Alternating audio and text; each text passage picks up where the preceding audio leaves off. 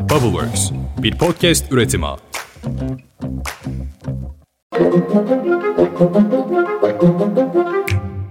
Günaydın. Bugün 3 Mayıs 2023. Ben Özlem Gürses. Bubbleworks Media ve Pushholder ile birlikte hazırladığımız 5 dakikada dünya gündemine hepiniz hoş geldiniz.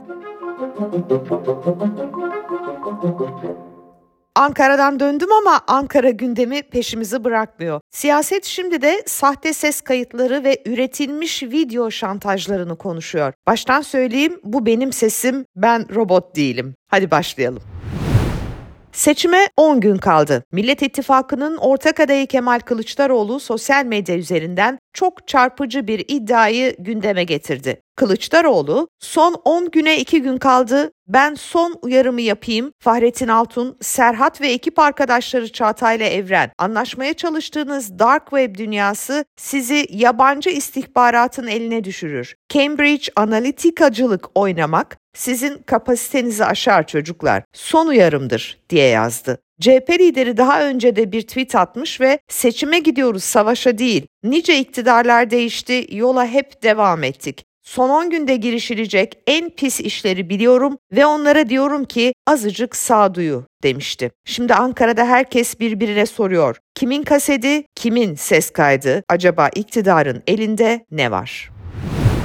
Kılıçdaroğlu'nun bu uyarılarına ve iddialarına Cumhurbaşkanlığı İletişim Başkanı Fahrettin Altun yazılı bir açıklamayla yanıt verdi. Altun'un mesajı Sayın Kemal Kılıçdaroğlu, ülkemizin stratejik iletişimi için gece gündüz demeden çalışan ve özellikle ülkemize dönük sistematik dezenformasyonla mücadelede büyük başarılar elde eden İletişim Başkanlığımızı Başkan yardımcılarım Çağatay ve Evren Beyleri, Bilgi İşlem Daire Başkanım Serhat Bey'i bir kez daha akıl ve izan dışı iftiralarla karalamaya çalışmış. Esef duyduk diye başlıyor ve Kılıçdaroğlu'nun seçim kampanyasının başından sonuna kadar kurumumuzu hedef alması, çevresindeki profesyonellerin elinde bir strateji olmadığını, siyaset üretemediklerini ortaya koyuyor. Şunu da söylemezsek olmaz, bu açıklamayı ne amaçla yaptığınızı, neyin önünü almaya çalıştığınızı çok iyi biliyoruz cümleleriyle devam ediyor. CHP'den seçim sürecine dair bir başka iddia ise Genel Başkan Yardımcısı Muharrem Erkek seslendirdi. Seçim gecesi için İçişleri Bakanlığı'nın YSK'ya paralel bir seçim takip sistemi kurduğunu anlattı. İçişleri Bakanlığı'nda paralel bir yapı kurulduğunu tespit ettik. Evet, maalesef İçişleri Bakanlığı tüm valiliklere yazdığı bir yazıyla şunları talep ediyor bir seçim takip modülü oluşturmuşlar İçişleri Bakanlığı bünyesinde. Duydunuz işte acayip acayip işler. Neyse biz kasetti, sesti, ajanstı, paraleldi filan diye düşünürken dış ticaret açığı bir rekor daha yeniledi. Dış ticaret açığı Nisan'da yıllık bazda %44 yükselişle 8,8 milyar dolara çıktı. Nisan ayında ihracat geçen yılın aynı ayına göre %17,2 azalışla 19,3 milyar dolara geriledi. Aynı dönemde ithalatsa %4,5 oranında azalarak 28,2 milyar dolara indi. İstanbul Ticaret Odası İTO geçen Nisan ayında İstanbul'da perakende fiyatı en fazla artan ve azalan ürünleri açıkladı. Buna göre 242 ürünün 136'sının perakende fiyatı artarken 29 ürünün fiyatı düşmüş, 77 ürünün fiyatı ise değişmemiş. Geçen ay en yüksek zam oranı ise %40,12 ile erkek ayakkabısında gerçekleşmiş. Hekim göçümüz devam ediyor. 881 doktor yurt dışına gitmek için adım attı. Nisan ayında iyi hal belgesi talep eden 181 hekimle birlikte bu yıl yurt dışında mesleğini icra etmeyi tercih edenlerin sayısı 881'e ulaştı. Yüksek Seçim Kurulu'nun verdiği bilgiye göre şu ana kadar yurt dışındaki seçmenlerden 800 bine yakını yurt dışı temsilciklerinde 50 bini ise gümrük kapılarında oy kullandı. Bu arada yurt dışındaki seçmenlerin yoğun ilgisi var ve seçimlere katılım oranı da çok yüksek. Biliyorsunuz bu oylar çuvallara yüklenip kargo ile Türkiye'ye gelecek ve burada sayılacak. Tabii herkes merak ediyor iki hafta boyunca bu oylar nasıl korunacak diye.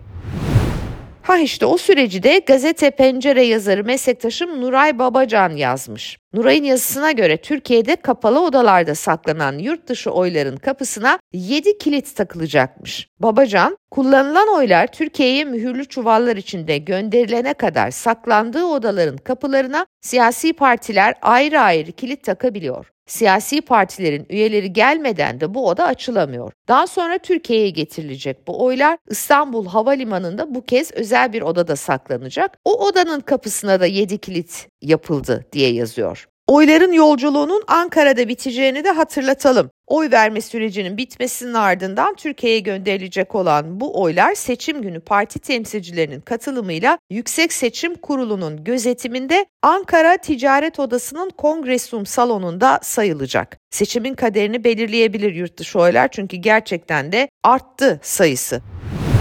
Dönelim miting alanlarına. AK Partili Cumhurbaşkanı Erdoğan dün Konya mitinginde konuştu. Dini olmayan, diyaneti olmayan, bayrağı olmayan, ezanı olmayan kimler destekliyor Bay Bay Kemal'i? Bu teröristler. Öyle mi? İşte söyle bana arkadaşını, söyleyeyim sana kim olduğunu. Erdoğan biz emri Allah'tan alıyoruz dedi. Bay Bay Kemal'in yanındakilerle beraber bunlar emri nereden alıyor? Kandil'deki teröristlerden alıyor. Öyle mi?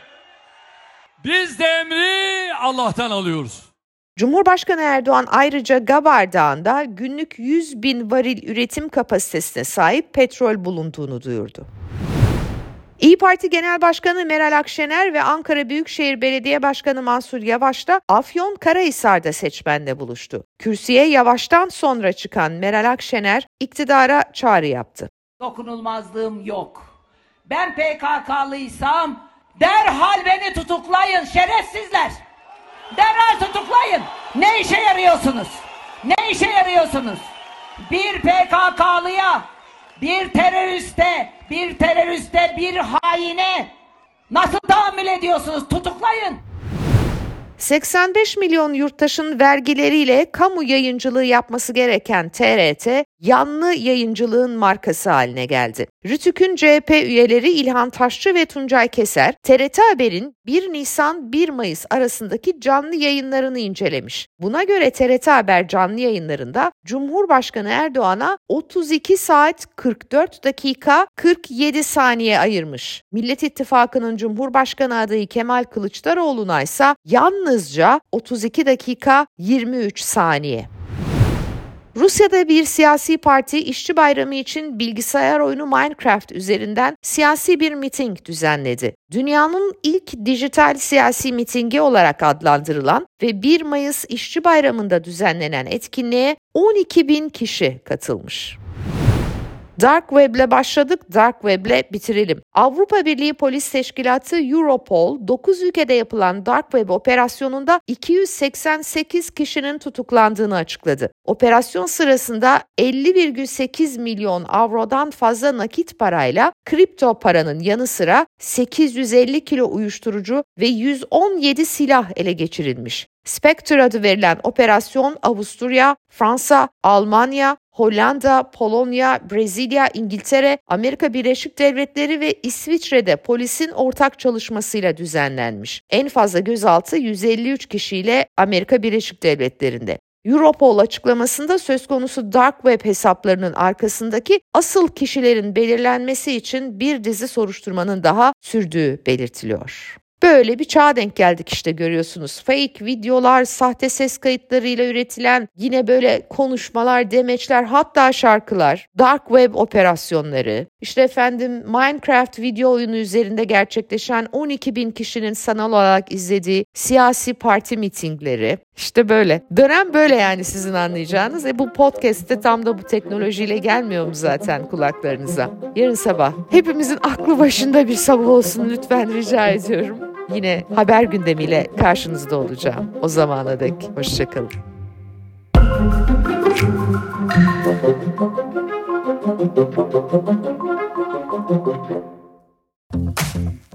Bubbleworks bir podcast üretimi.